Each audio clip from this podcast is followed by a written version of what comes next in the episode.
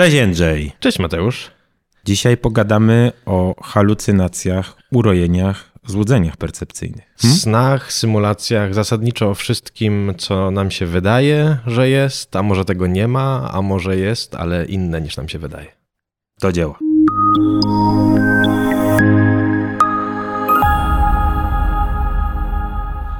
Okej, okay, no to co, zaczynamy może z wysokiego C. Jak tam, miałeś kiedyś halucynacje? No,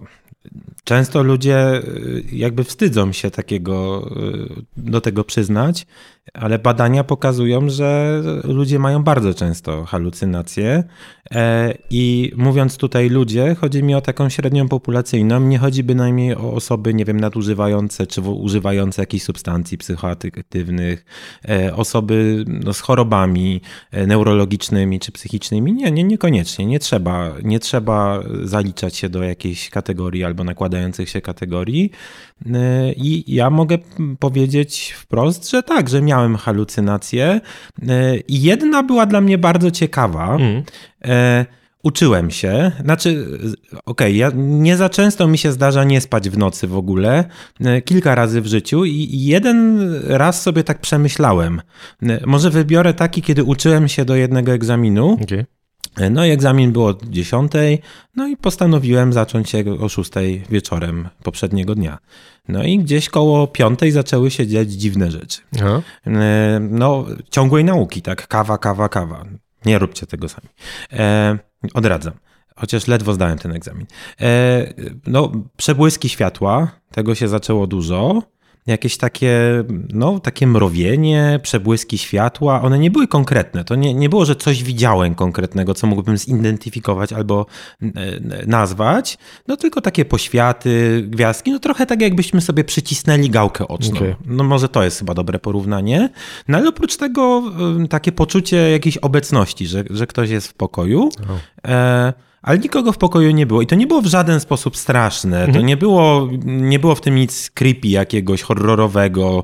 E, nie, nie, mój mózg nie dorabiał absolutnie do tego tezy, że jest duch, tylko no, wydawało mi się to tak, jakby ktoś był. Sprawdziłem, nie ma nikogo, okej, okay, zgodziłem się z tym, ale to nie znaczy, że, że, to, że, to, że ta halucynacja... Że to odczucie ustało, tak? Tak, no nie, nie ustało.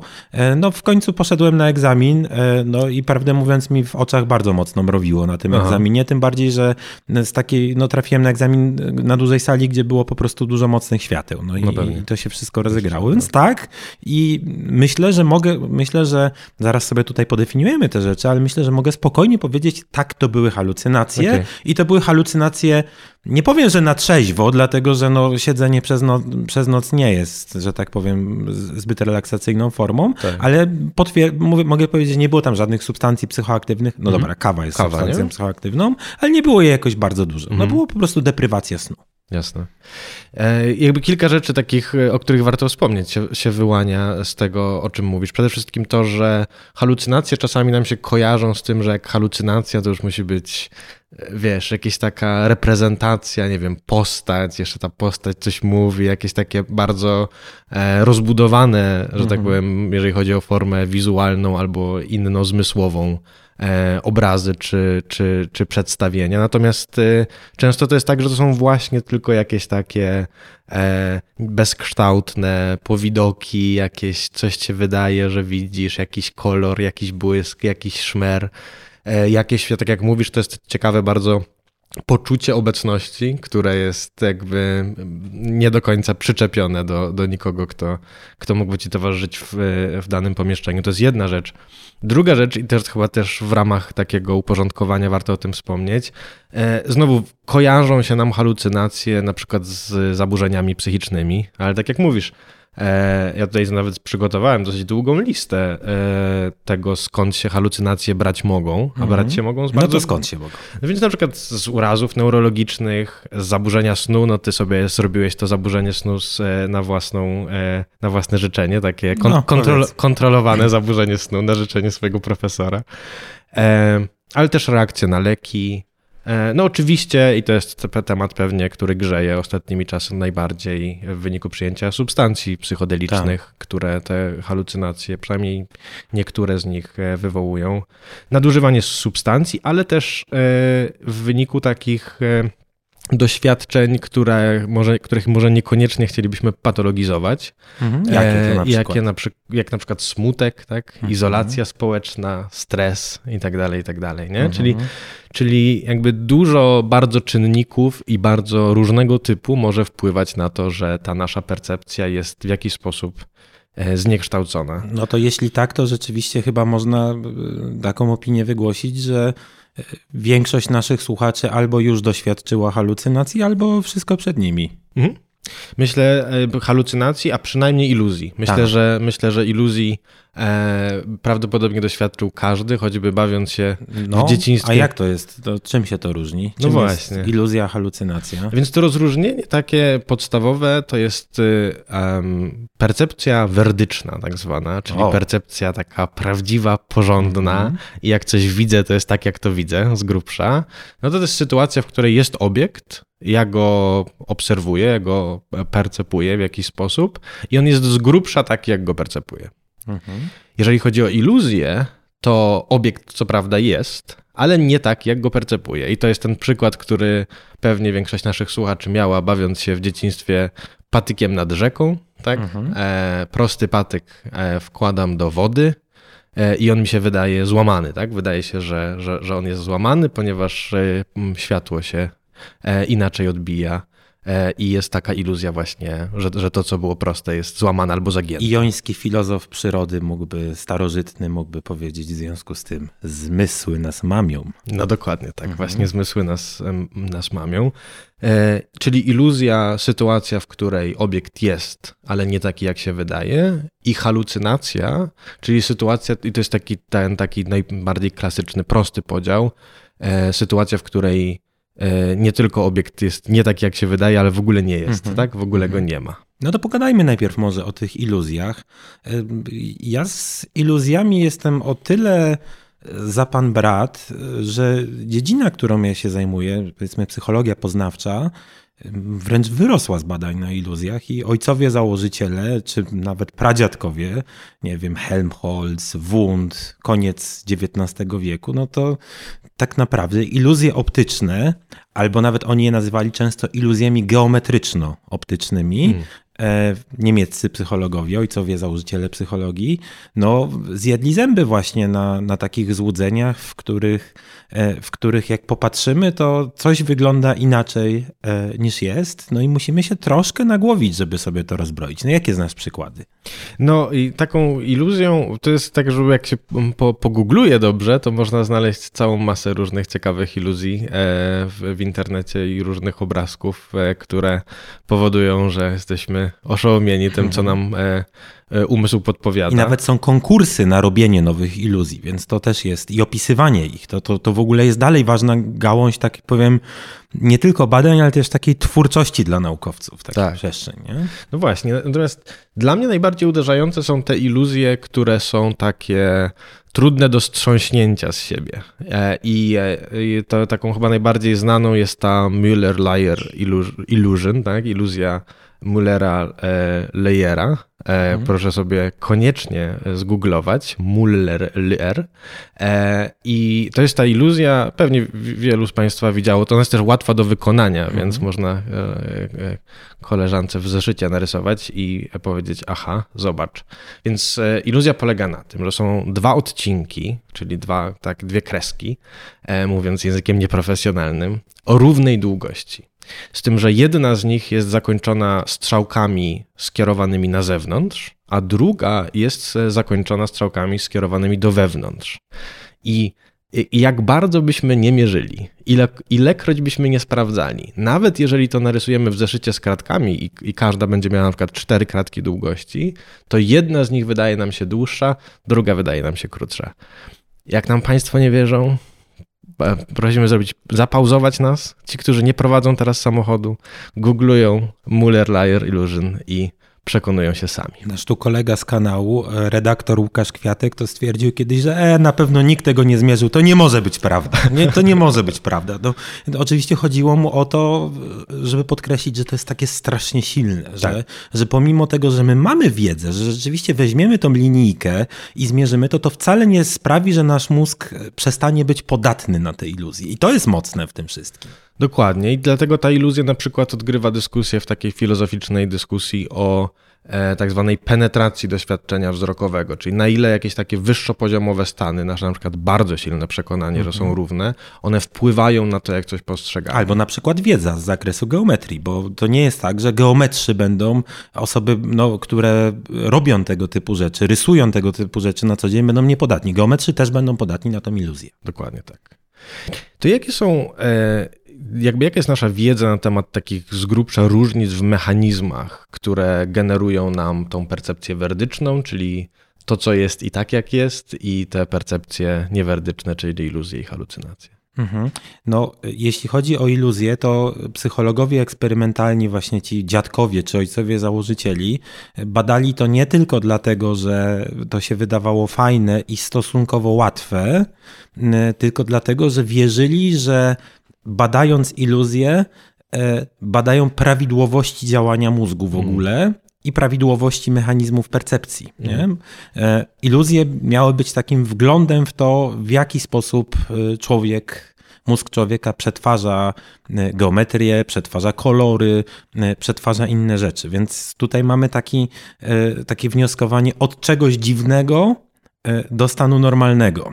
Natomiast ciekawsze moim zdaniem jest to, e, no, jak tutaj działają e, na przykład halucynacje. No bo weźmy sobie, e, weźmy sobie taki przykład. E, Nie chcę powiedzieć, że synestezja to halucynacja, to trochę bardziej skomplikowane. Nie chcę tutaj tego pomieszać. Natomiast e, jeśli ktoś z Państwa nie wie, czym jest synestezja, no to z grubsza rzecz biorąc chodzi o doświadczanie czegoś w kategoriach innej modalności niż zwykle. To znaczy Innej dźwięk- modalności zmysłowej. tak, modalności zmysłowej. Bardzo dziękuję. No, e, no na przykład dźwięki to my słyszymy, a synestetyk dźwięki będzie widział albo, nie wiem, czuł zapach. Tak samo e, cyfry, czyli reprezentacje liczb. No one nie powinny mieć żadnego kolorytu, koloru, jakiegoś kształtu. A jak osoby z synestezją, odkrył to Galton, znowu taki jeden z ojców założycieli e, psychologii współczesnej, bardzo ważna postać dla wielu w ogóle dziedzin nauki. No, Galton poprosił ludzi, żeby e, narysowali cyfry tak, jak je widzą, kontinuum liczbowe. No i to były takie esy floresy, na dodatek jeszcze kolorowe. Inne osoby mówiły, że kojarzą pewne, pewne wartości liczbowe z zapachami i tak dalej, i tak dalej. No i okazało się, po pierwsze, to jest bardzo ciekawe, po pierwsze okazało się, że istnieją takie osoby, y, które tej synestezji, ona jest nazywana zresztą dzisiaj synestezją Galtona, no doświadczają mocno, ale druga rzecz, że to wcale nie jest takie niepowszechne. Mhm. Więc to jest kwestia nasilenia. Mhm. I, e, I ta obserwacja Galtona jest do dzisiaj e, no, takim źródłem, e, czy, czy powiedzmy motywem przewodnim wielu badań, w których próbuje się pokazać, że to nie jest wcale tak, że osoby z synestezją doświadczają świata nieprawidłowo. Mówiąc nieprawidłowo, nie, nie chcę tu medykalizować, tylko mówić po prostu inaczej niż taka średnia populacyjna. Jasne. Jest raczej tak, że doświadczają tego mocniej, Mhm. ale raczej, że my wszyscy jesteśmy synestykami, tylko że ta nasza synestezja jest często tak subtelna, że no po prostu nie bierzemy tego pod uwagę i, i w ogóle sobie nie zdajemy z tego, z tego sprawy. Więc tutaj to przejście, e, przejście e, powiedzmy między stanem takim typowym, a stanem nietypowym, no to nie jest jakieś gdzieś odcięcie, to jest, to jest jakieś, jakieś kontinuum. No pewnie. To też są zagadnienia, którymi od niepamiętnych czasów się zajmują filozofowie percepcji. Mhm. No bo to jest, y, to jest duża zagwozdka, tak? Jakby pytanie, czy em, iluzje, percepcja werdyczna i halucynacje to jest coś jednego, tak? W, ramach czego mamy jakieś różnice, czy to są różne rzeczy? Bo teraz, jeżeli chcielibyśmy być tak zwanymi realistami bezpośrednimi, to się tak nazywa to, sta- to stanowisko filozoficzne, czyli e, najprościej rzecz biorąc, mówiącymi, że nasz, jakby składowymi naszej percepcji są rzeczy w świecie i, i jakby postrzegamy je bezpośrednio. Czyli świat jest taki, jaki się nam przedstawia, Świat, tak czy nie? Mhm. świat jest taki, jak nam się przedstawia, e, i to jakby ten świat bezpośrednio, te rzeczy w świecie konstytu, konstytuują nasze Mhm. A doświadczenie. jeśli tej rzeczy nie ma w świecie, bo na przykład ktoś doświadcza obecności kogoś, kogo nie ma, to co? No, no właśnie wtedy będziemy musieli spróbować o tym powiedzieć coś innego i mhm. wtedy będziemy, realista bezpośredni, będzie musiał być, i uwaga, to ostatnie trudne słowo mam nadzieję dzisiaj, dysjunktywistą. Ratunku. Czyli będzie musiał mówić o jakiegoś rodzaju tak dysjunkcji, czyli rozłączności między typami tych do, doświadczeń, tego ty, typami doświadczenia. Bo będzie mówił, że percepcja werdyczna charakteryzuje się tym, że jest rzecz w świecie, ona y, kontrybuuje do tego, jak ja e, ten świat postrzegam. Postrzegam go, bo postrzegam tą rzecz bezpośrednio. Natomiast halucynacje i iluzje, to będzie musiało być jakieś coś innego. No jak sobie taki dysjunktywista poradzi e, no, z takim prawie że konsensusem, e, że jednak no, w te halu, halucynacje, iluzje i tak dalej uwikłane są typowe mechanizmy percepcji naszego mózgu? No więc to jest w ogóle pytanie o, o realizm w e, naszym jakby... No oczywiście taki dysjunktywista, już użyjmy tego słowa strasznego, może powiedzieć, powiedzieć, że jego nie interesuje, jak działa mózg. To Ale... jest jedna rzecz, którą może powiedzieć. No, jakby rozmawialiśmy też przy okazji innych tematów o tych wszystkich zagadnieniach związanych z e, predykcyjnym percepowaniem mm. i, i, przeliczaniem różnych informacji, może w, w, ogóle zmierzamy naukowo w taką stronę, żeby sądzić, że zasadniczo nie jest tak, że jesteśmy w kontakcie ze światem, jaki, jaki jest, tylko jakimiś oczekiwaniami naszego mm. układu poznawczego na temat tego, jaki ten świat może być i jakoś tam dokoordynowywujemy się e, do tego świata, żeby w nim w miarę skutecznie mm. działać, ale to nie jest tak, że, że te rzeczy w świecie właśnie w bezpośredni sposób. No to chyba trzeba powiedzieć, jak taka koncepcja sobie radzi z halucynacjami w ogóle. Powiesz?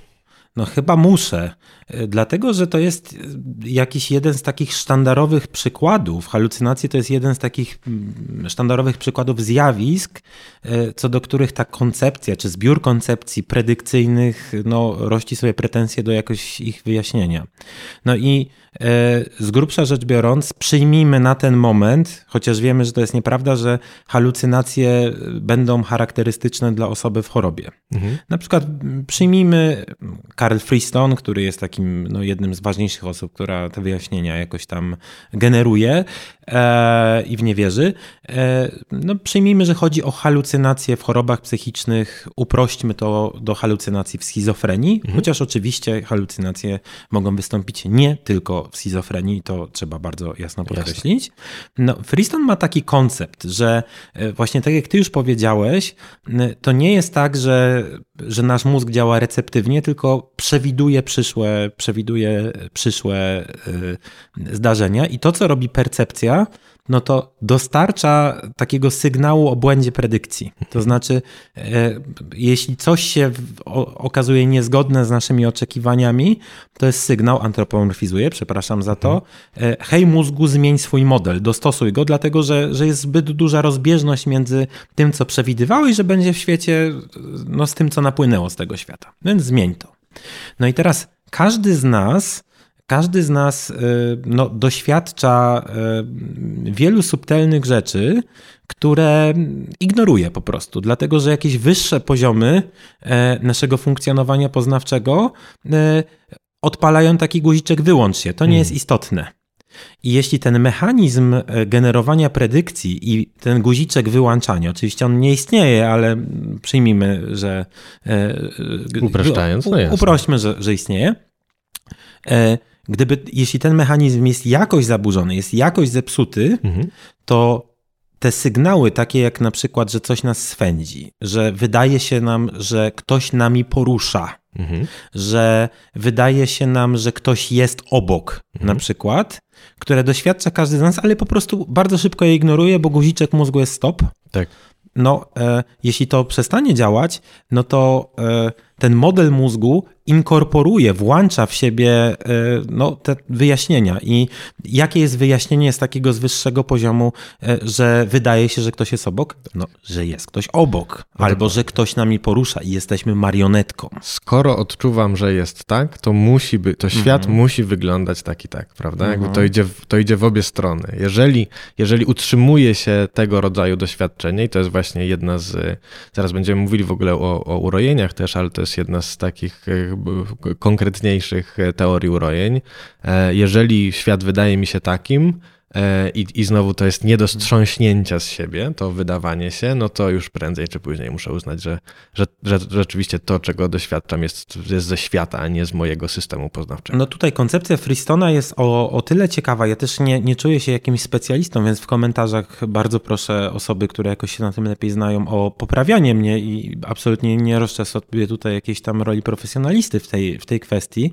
Natomiast w tej koncepcji to, co zaraz rozróżnimy dokładnie, czyli urojenia tak. i halucynacje, e, no trochę się ze sobą wiążą, dlatego że, e, że te halucynacje, te percepcyjne rzeczy z niskiego poziomu są wzmacniane przez coś, co jest na wyższym poziomie, czyli przekonania. Czyli tak. zmienia się nasz model świata. Mhm. Zmienia się nasz, no niektórzy by powiedzieli bardzo mądrze, model generatywny tego tak. świata. Nie? Tak by Freestone powiedział. Ja myślę, że też można wspomnieć o tym, te, to pierwsze rozróżnienie, które zrobiliśmy na halucynację, iluzję i percepcję werdyczną, czy prawdziwą, czy taka, ta, ta, rzeczy takimi, jakimi są e, i to rzeczy, które rzeczywiście takimi są.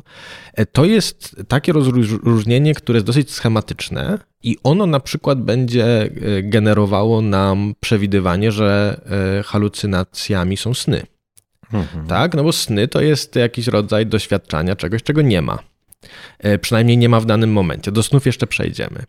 Ale e, znowu można jakby używać szerzej tego pojęcia halucynacji właśnie w taki sposób, albo można, i to jest jakby problem czasem, jeżeli się czyta jakby w jednej ręce trzyma się literaturę psychologiczną, a w drugiej filozoficzną, albo można, e, czy tam medyczną wręcz, powiedzieć, że halucynacje to są te doświadczenia, które mają konkretne pochodzenie, czyli właśnie są albo związane z zaburzeniami psychicznymi, albo z jakimś mhm. zmęczeniem i tak dalej, i tak dalej. Więc te rzeczy też pewnie warto mieć na uwadze. To ja może krótko spróbuję powiedzieć o tych urojeniach i dlaczego no one się... Czym to się różni od halucynacji? Czym to, się, czym to się różni, prawda? Bo jak używamy takiego języka potocznego, to na przykład ktoś mógłby powiedzieć, że... Nie, e, mm, roi mi się coś, tak? Jakby, jak, jak na przykład ty miałeś, ty, ty miałeś e, ten, tą, tą bezsenną mhm. noc z e, podręcznikiem i dużą ilością kawy, no to mogłeś, mogłeś mieć, jakby zaraportować, że właśnie roi mi się, że, e, że, że ktoś jest w pokoju albo coś takiego. Natomiast urojenia myślę, że naj, naj, najbezpieczniej się poczujemy, że tak powiem, pojęciowo w, ty, w, tej, w, tym, w tym bałaganie, jeżeli e, terminu urojeń będziemy używać z, zgodnie z tym, jak one są klasyfikowane w psychiatrii. Mhm. I teraz, e, no, te klasyfikacje psychiatryczne oczywiście na różne sposoby się odbywają, ale jest taka książka, która ma. która Biblia. Jest taka Biblia w psychiatrii, która ma e, kolejne edycje e, już od jakiegoś czasu, która się nazywa potocznie DSM-em, czyli podręcznikiem diagnostyczno-statystycznym. Mhm. I ona ma kolejne e, swoje iteracje, jak stan wiedzy w psychiatrii się zmienia. E, całe rzesze ludzi pracują nad tym, żeby w kolejnym DSM-ie, teraz jesteśmy na poziomie piątego, e, dopracowane były jakieś rzeczy, które się wcześniej nie zgadzały, albo były kontrowersyjne, albo źle przekładały się na praktykę psychiatryczną itd. Tak itd. Tak o tym można by mówić długo. Natomiast w DSM-ie urojenia są scharakteryzowane jako rodzaje przekonań. I teraz w DSM-ie trzecim i czwartym e, były one scharakteryzowane jako fałszywe przekonania, mhm. E, które są jakby wynikają z jakichś nieprawdziwych, nieprawidłowych wnioskowań o świecie zewnętrznym. Natomiast w DSM-ie piątym obecnym one są już scharakteryzowane niekoniecznie jako fałszywe, ale jakieś takie sztywno przyjęte, na, na, na stałe przyjęte, jakieś takie, e, e, jakieś takie przymrożone przekonania, które są trudne do zmiany. E, kiedy one są trudne do zmiany, jakby dobrze by było, żeby przekonania zmieniały się, kiedy zmieniają nam się dowody. No to dobra, to zróbmy jakiś, e, fajnie to mówisz i to fajne jest to przejście historyczne, e, właśnie pokazujące, że no to nie jest jakaś wiedza taka zastana, tylko no konsensus naukowy po prostu się zmienia tak. w związku z różnymi czynnikami. Natomiast no, no dla naszych słuchaczy, e, okej, okay, wyobraźmy sobie taką smutną historię. Mhm. No dobra, wyobraźmy sobie taki przykład, że, że jestem osobą no, cierpiącą na jakąś chorobę psychiczną, taki, no i no, lećmy po prostu klasyką gatunku że śledzą mnie agenci obcego wywiadu, albo nie wiem, padłem ofiarą spisku Marsjan i jestem obserwowany, albo nie wiem, jestem w jakimś Truman Show. Mhm. To jest urojenie czy halucynacja? To jest pierwsze pytanie. No, to jest trudne pytanie. E, I właśnie o tym, że to jest trudne pytanie, pewnie warto porozmawiać. Jakby to jest urojenie, to mhm. klasyfikowane jako urojenie, e, zresztą jedno z częściej spotykanych, urojenie prześladowcze. No właśnie. E, natomiast znowu urojenie prześladowcze będzie miało wiele elementów takich składowych, tak? Du, dużo, dużo elementów będzie do tego, do, tego, do tego kontrybuowało, bo będzie mi się wydawało tak, że jakieś może, e, nie wiem, przedmioty, które znajduję w swoim mieszkaniu są poprzestawiane i będę z tego wyciągał wnioski, że w takim razie podczas kiedy nie było mnie w moim mieszkaniu, to ktoś tam był i to, coś tam poprzestawiał i tak dalej. Więc będzie jakby te, to, to doświadczanie urojeń jest taką składową składową e, tego, co doświadczam w rzeczywistości, tego, co percepuję i jak percepuję, ale też tego, co z tym potem robię, jak to przetwarzam, tak? Jakby jakie, hmm. jakie wnioski z tego wyciągam. A czy to koniecznie pociągnie za sobą halucynacje, czy mogę mieć same urojenia bez halucynacji? Bo to, że możemy mieć halucynacje bez urojeń, no to wydaje się, że z naszej poprzedniej, no z ciągu naszej rozmowy Oczywiście. dla naszych słuchaczy chyba już jasno wynika. Czy mogę mieć urojenia bez halucynacji? bez halucynacji? Wydaje mi się, że tak, tak, prawda? Jakby urojenia, jakby to, czy coś jest urojeniem, rozstrzyga się jednak na tym wyższym poziomie właśnie na przykład posiadanych przeze mnie przekonań. Mhm. Natomiast często jest tak, że to jest bardzo zmieszane. Możemy powiedzieć chociażby o takich bardzo specyficznych, rzadko spotykanych e, urojeniach, jak urojenie kotarda na przykład. Mhm. E, no to jest taka sytuacja, w której ktoś jest silnie przekonany o tym, że albo nie żyje, albo nie istnieje, albo na przykład, że nie ma organów wewnętrznych. Albo nawet, że nie ma krwi. Albo, że nie ma mhm. krwi, prawda? I to nie jest wcale takie rzadkie, jak, jak, jak mówisz. Ja czytałem akurat raporty w tej kwestii, to zazwyczaj podręcznikowo to jest bardzo rzadkie. Hmm. No nie, w dużym nasileniu to jest bardzo rzadkie, natomiast, e, natomiast u, u pacjentów nie tylko z chorobami psychicznymi, ale też no, z uszkodzeniami organicznymi w wyniku jakichś wypadków, czyli mówiąc krótko, pacjentów neurologicznych, występowanie e, zespołu Kotarda e, w jakimś takim mild, takim słabszym nasileniu wcale nie jest aż tak rzadkie.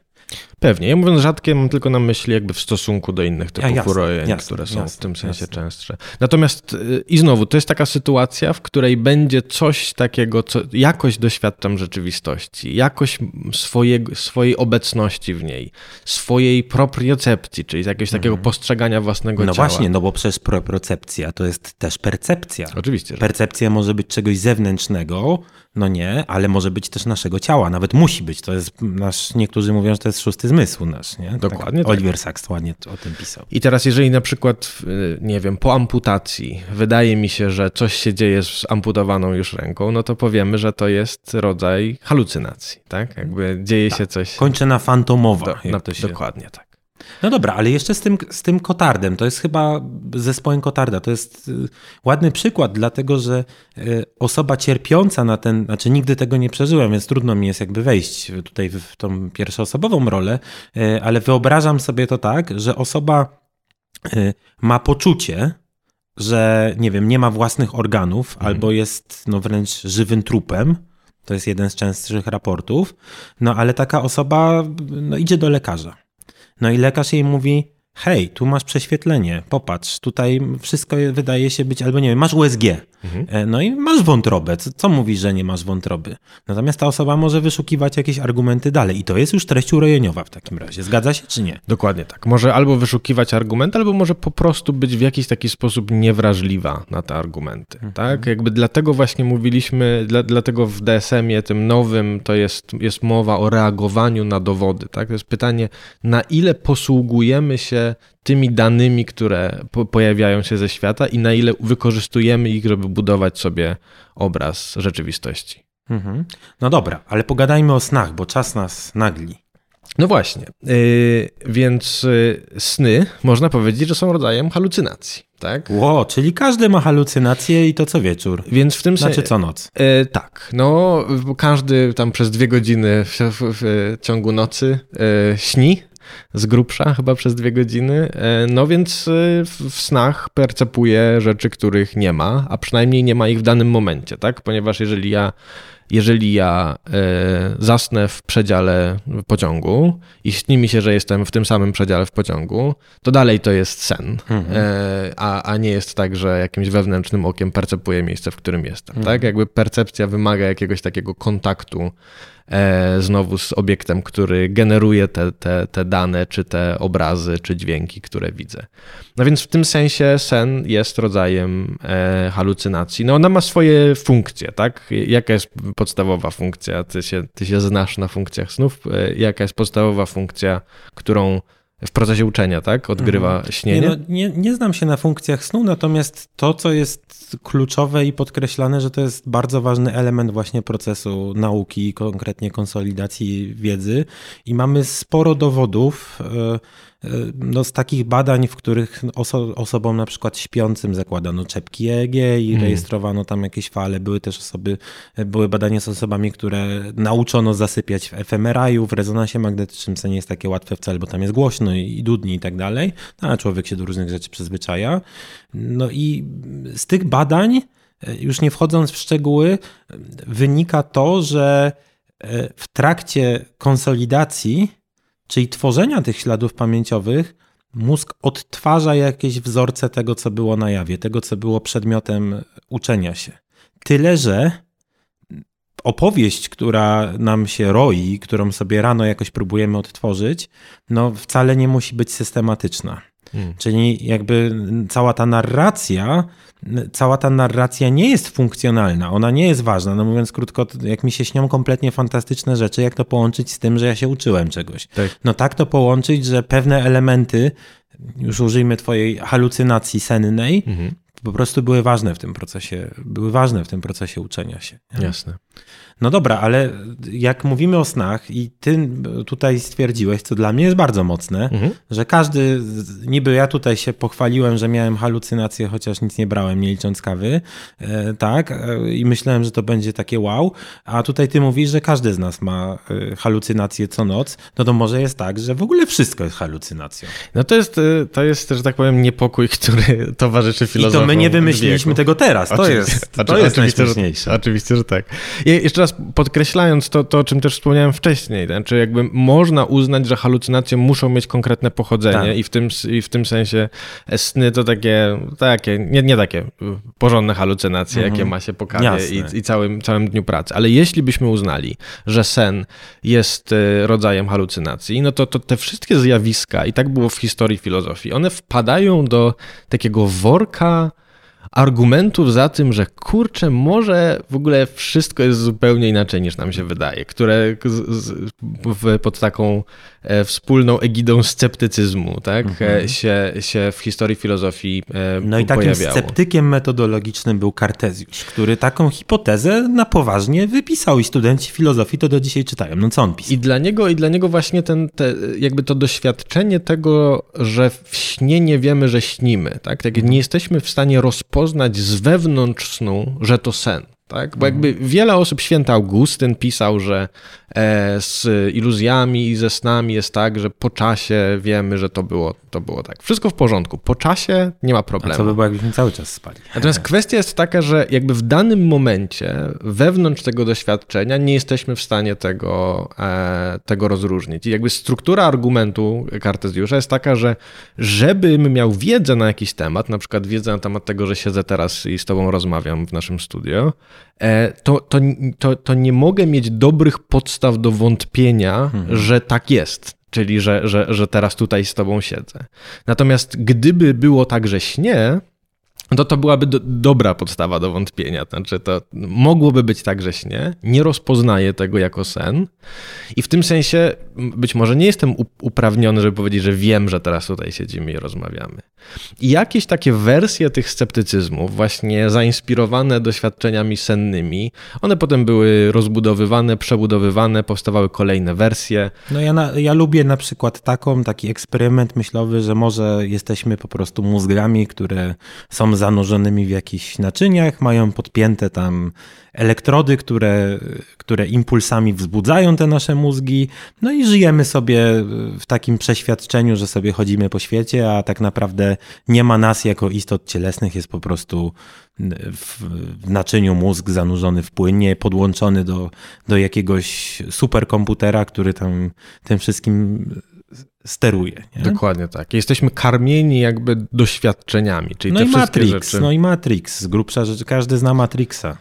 No i właśnie, stąd przechodzimy do takiej, takiej koncepcji e, właśnie związanej z tym, że te wszystkie doświadczenia być może, które mamy, są jakoś zasymulowane, właśnie zasymulowane e, mózgowi w naczyniu, a być może, jeszcze ten mózg w naczyniu to jeszcze była taka, z, z perspektywy e, dzisiejszej dyskusji na ten temat, to tam jeszcze była jakaś taka tęsknota, żeby, żeby gdzieś te komórki mózgowe w tym naczyniu tak. były. No, ale powiedzmy jedną rzecz, i Kartezjusz, i y, tam współczesni współcześni filozofowie, na przykład Hilary Putnam, który pisał o tych mózgach w naczyniu, to wcale nie jest tak, że oni wierzyli w to, że, że jesteśmy w tym śnie, czy, czy jesteśmy tymi mózgami w naczyniu.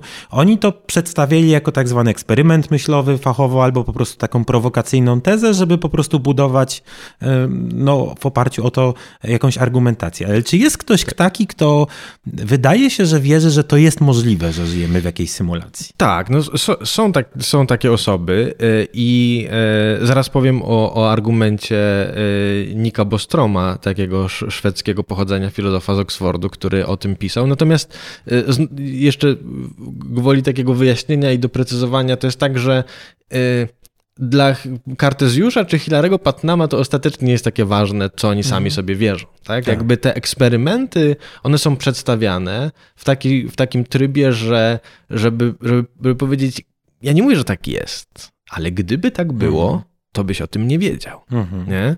I jakby i to jest taki, to jest ta, ta nuta sceptyczna. To nie jest tak, tak. Dla, dlatego też to są eksperymenty, które, jak, jak zobaczymy na wpływ tych eksperymentów, tak, to one nie są jakby teorią. One są e, takim wyzwaniem rzuconym w twarz mhm. dalszemu rozumowaniu. Czyli mogłoby tak być, i byś tego nie wiedział. Co z tym zrobisz, Jasne. prawda? Jasne. Natomiast takie może, może jakieś większe y, doprecyzowanie tego i już konkretna teoria, bo oparta na jakichś przewidywaniach probabilistycznych. No, czyli taki mocny akcent już na koniec. To jest, to jest Nick Bostrom i to jest y, coś, co zaczęło się w takiej najmocniejszej wersji, oczywiście Matrix i oczywiście to jest, to jest pokłosie tych wszystkich e, eksperymentów myślowych, o których mówimy, ale w takim artykule swoim e, zatytułowanym pytaniem, czy żyjesz w e, komputerowej symulacji, Bostrom mówi o, o, o, o takim rozumowaniu. Znaczy, mówi, Popatrzmy na to, jaką mamy dostępną technologię teraz. I każdy z nas się może zastanowić. Widzieli Państwo może naj, najnowsze gry komputerowe, w których grafika już jest naprawdę rewelacyjna. I wydaje się, że no tylko krok i to będzie nieodróżnialne od tego, jak widzimy świat. Tak? Są, też można znaleźć sobie w internecie takie quizy, które polegają na tym, że masz wybrać, czy dana rzecz jest grafiką komputerową, czy zdjęciem. Bardzo różnie wychodzi, często mhm. łatwo się pomylić. Więc jeśli tak jest, to znaczy, że jesteśmy gdzieś na drodze do stworzenia symulacji bardzo skomplikowanych, takich, które rzeczywiście z wewnątrz symulacji będą nie do odróżnienia od y, funkcjonowania w świecie. I teraz być może e, w tych symulacjach będą jakieś podmioty, nazwijmy je Simsami, odwołując się, odwołując się do nazwy gry komputerowej. Zresztą tak rekonstruuje Bostroma Chalmers w swojej książce e, Reality Plus, które będą Simsami, które będą miały dokładnie takie doświadczenia jak my teraz. Więc założenie jest takie. Jeżeli jest tak, jeżeli nasza cywilizacja albo inna cywilizacja zaawansowana doszła do poziomu, w którym może budować tak skomplikowane symulacje, to prawdopodobnie zrobiła ich sporo. Jeśli zrobiła ich sporo, to podmiotów właśnie tych Simsów w tych symulacjach będzie bardzo, bardzo wiele. Mhm. I teraz gdybyśmy liczyli podmioty, także Mateusz, Sims, Sims, Sims, Mateusz i tak dalej, to okazałoby się, że jest więcej Simsów niż nie Simsów. Czyli większe jest prawdopodobieństwo, że jeżeli taka symulacja powstała, to dana osoba, która się nad tym zastanawia, jest Simsem w takiej symulacji, a nie nie Simsem No mocne. w normalnym, w zewnętrznym, w zewnętrznym świecie. I Bostrom znowu też nie mówi, nie mówi tego, tylko mówi jeszcze mniej. Ja uważam, że to jest dosyć zgrabnie napisane. On mówi tak, więc prawdą jest albo, że niemożliwe jest powstanie takiej symulacji, bo tak ktoś może też powiedzieć, albo, że e, najprawdopodobniej jesteś Simsem. Tego nie wiemy. I tym chyba trzeba zakończyć. Dziękujemy bardzo. Pozdrawiamy.